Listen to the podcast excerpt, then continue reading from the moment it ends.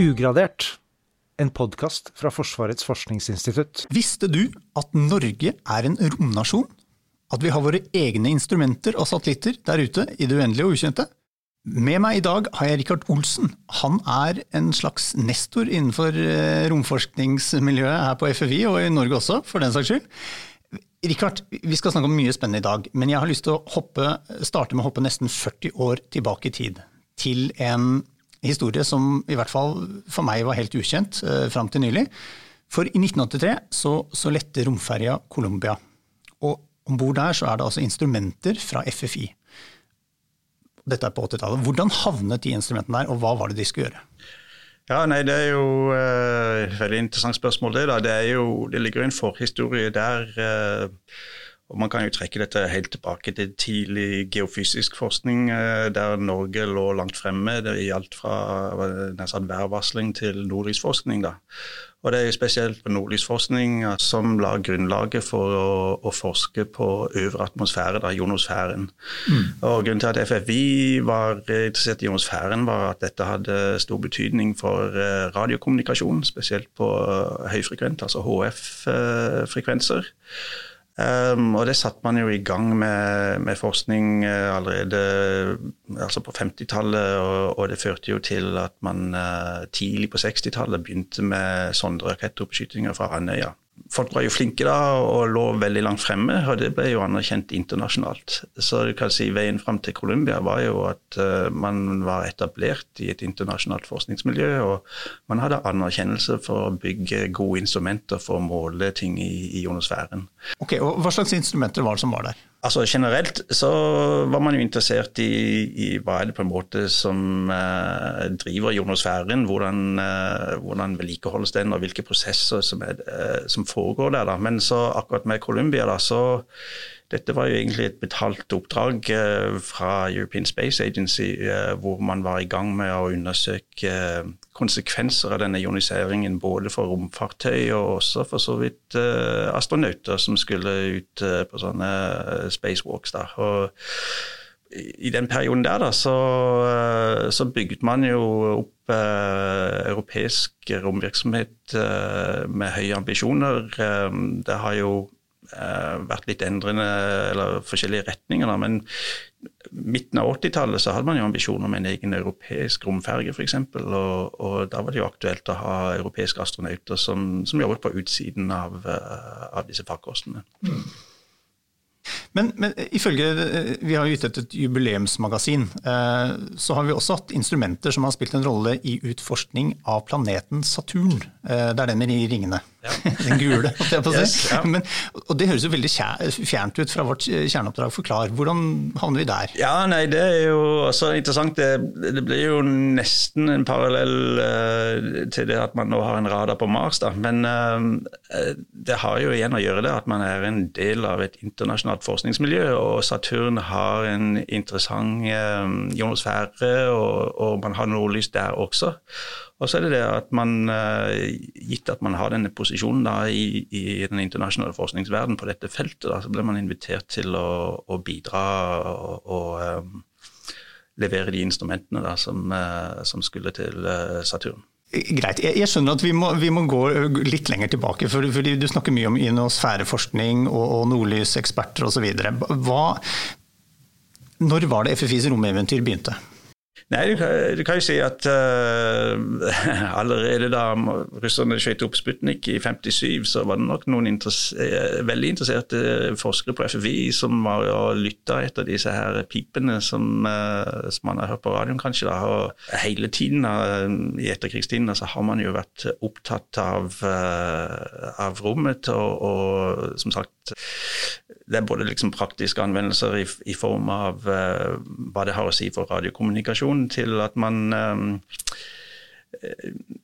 ja, FFI-forskere er jo fagfolk, da, så de er jo en sånn passe blanding av si, nerder og, og, og, folk som har en interesse for å bruke kunnskapen uh, for Forsvaret. Uh, og Hva, hva, var det første vi skjøt ut i verdensrommet, og hvorfor? Nei, det var jo um, Det var en sonderakett som ble skutt fra Andøya i uh, 1960 ja, Nå står det litt for meg. 61 eller 62, da. Ferdinand heter den da. og det var um, man, man uh, ville jo gjerne kartlegge og forstå uh, øvre atmosfære. og Da var det jo om å gjøre å få instrumenter opp i det miljøet der for å, å prøve å finne ut mest mulig. da. Altså En sånn forskningsrakett. eller Man hadde ikke eh, ressursene til å skyte opp satellitter eh, fra Andøya da, um, som krever virkelig høy hastighet for å holde seg i bane. Så dette her ble veldig korte ferder da, kan du si, med disse instrumentene. Så etter hvert så, så ble jo dette her supplert med både bakkebasert radar og, og uh, instrumenter på på diverse eh, romfartøy. Da. Så igjen, da, da um, romferga kom, så så man jo det som en mulighet til, til å foreta mye lengre målinger for å få mer detaljert kunnskap. Mm. Fordi vi, FFI skal jo i utgangspunktet forske på ting som er nyttig for Forsvaret. På, på hvilken måte, altså Hvorfor er kunnskap om ionosfæren nyttig for Forsvaret? Ja, det, altså Ionosfæren er jo elektrisk ledende, da, og den påvirker elektromagnetiske signaler. Da, og det, er, eh, det kommer eh, litt an på hvilke radiofrekvenser man snakker om. Noen altså korte bølgelengder går eh, ganske rett gjennom, men de radiofrekvensen som spesielt var mest aktuelle, men som også brukes i dag eh, for langtrekkende radiokommunikasjon, de påvirkes av ionosfæren. Og man er jo avhengig av at de eh, for at man skal kunne bruke dette praktisk uh, ned på bakken, da, så må disse signalene de må reflekteres ned igjen til, til en radio på overflatenivå. Ja. Man står et sted, sender et radiosignal som går opp, reflekteres i ionosfæren og går ned igjen til mottakeren. Mm. Og Da er det forholdene i ionosfæren som vi må vite mer om for å vite hva ja. som påvirker radiosignalene. Ja. ja. og så er det jo andre ting som støy og sånt som forstyrrer disse signalene. Så det er liksom mer eller mindre gode radioforhold, da. Og det er, eh, det er innvirkning fra ionosfæren og fra sola og, og masse sånne prosesser da, som er uh, egentlig infiltrert eller henger sammen. Da. Mm. Um, vi kommer sikkert litt tilbake til det seinere, men jeg vil snakke litt om deg. Altså, du, du, er forskningsleder for sensor- og overvåkningssystemer. Uh, og så har jeg vært på internettet vårt, så har vi jo en mulighet for å legge inn en slags selvbiografi. Der har du skrevet tre ord. 'Grumpy old man'. Men, men altså, hvordan var det du, du, kom inn i rombusinessen, for å si det sånn? Altså, hva, hva, hva, slags faglig bakgrunn har du? Ja, ja, ja grumpy er kanskje ikke, ikke til hverdags, da. Men Nei, du virker jo ganske blid. Ja. men jeg begynner etter hvert å bli litt old man, da. Eh, så jeg er jo gammel nok til å huske Apollo-ferdene til månen. Og, og, jeg hadde en onkel som var fysiker og forsker borte i USA, som, som froet meg med ganske mye materiale om dette. Så så jeg følte jo veldig spent på sendinger med, med Erik Tandberg og Jan P. Jansen i sin tid. Um, men da, må jeg si, den gang så var det jo veldig fjernt i min oppvekst i hvert fall, at man hadde liksom en karrieremulighet uh, i dette i, i Norge. da. Så, mm. for, for du, har jo du har et hovedfag i oseanografi ja. opprinnelig. Mm. Ja. Hvordan går man fra havets dyp til, til verdensrommet?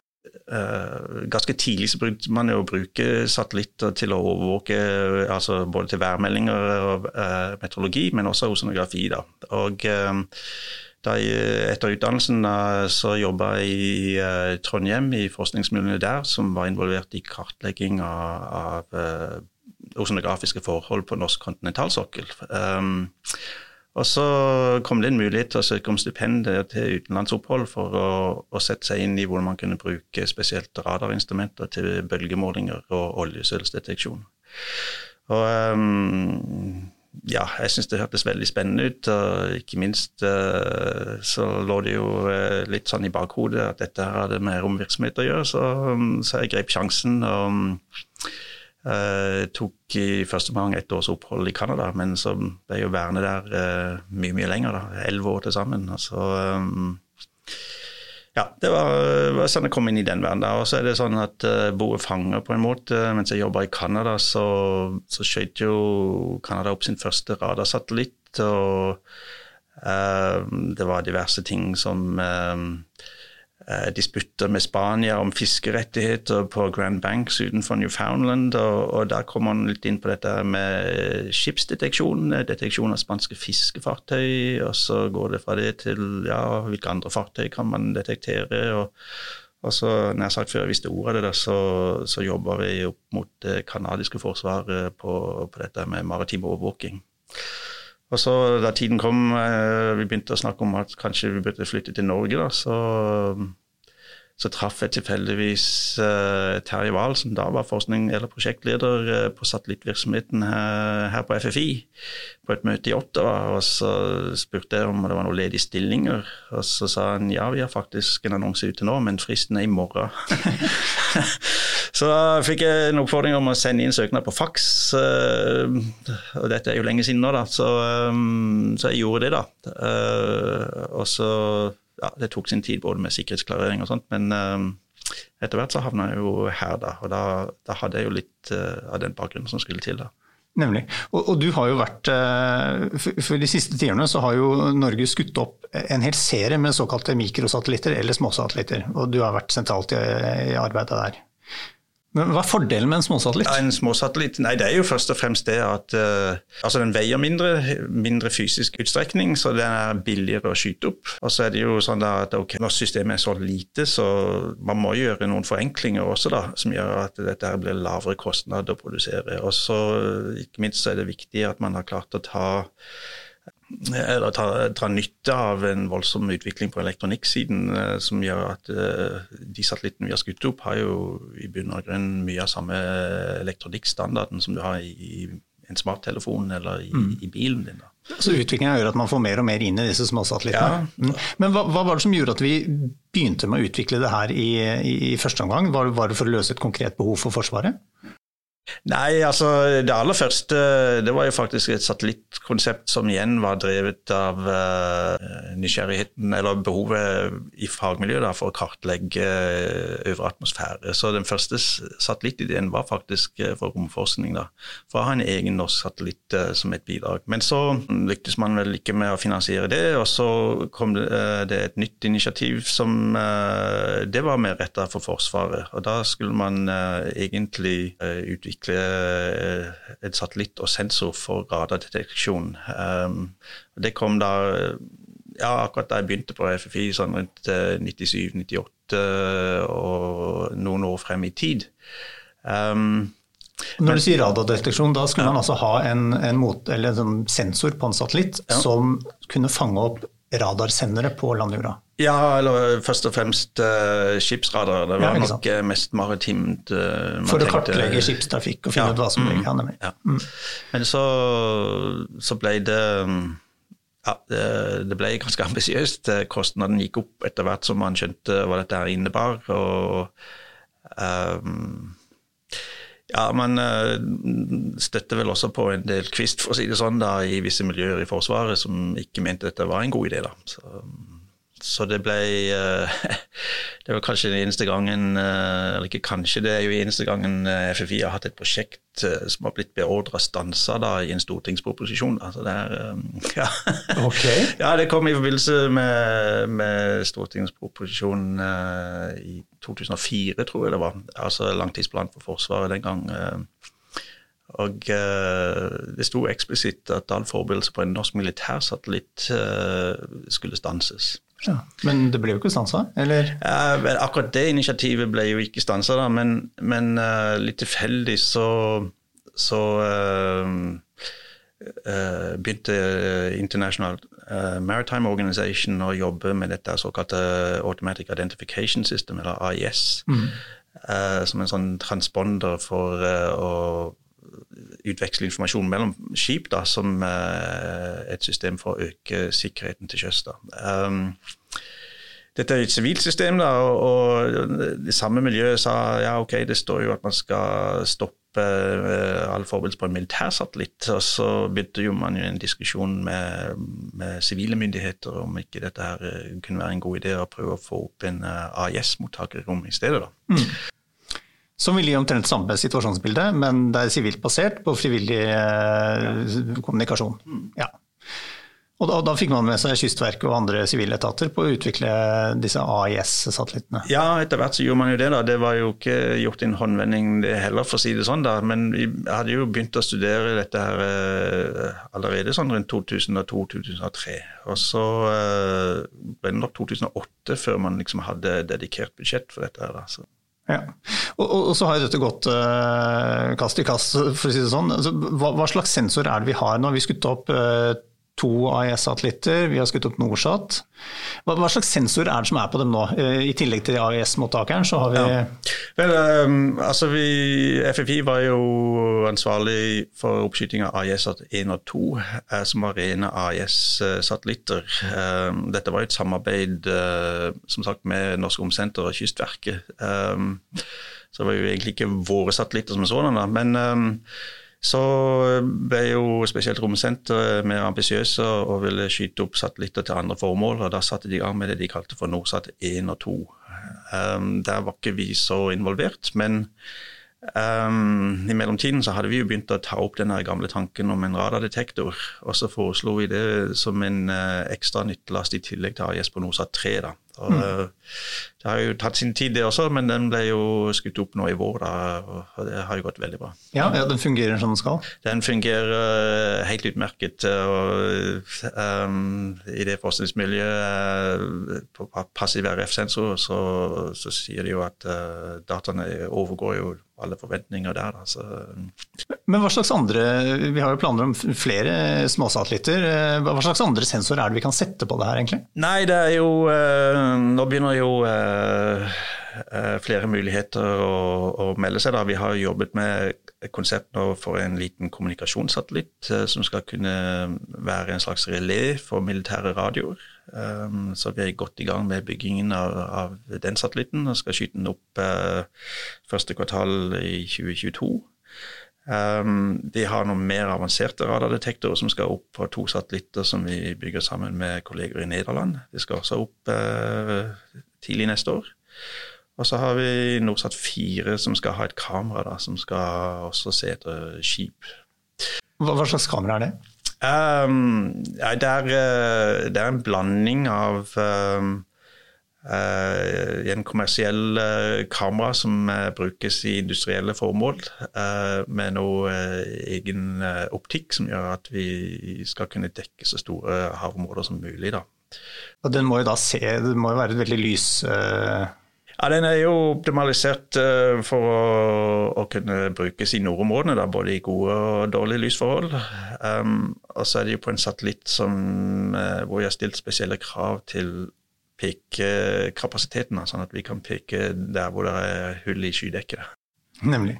Når vi, når vi, snakker om romforskning, så kan vi ikke komme utenom Rimfax. Det, for dere som ikke har hørt om det, så er det en georadar som akkurat nå ruller rundt på Mars for å undersøke hva som befinner seg under overflata. Og Det instrumentet er utvikla av FFI på oppdrag fra NASA. Eh, nå er det sånn at Vi har laget en egen podkast om eh, Rimfax, så vi skal ikke snakke så mye om den i dag. Eh, den kan dere finne på ffi.no.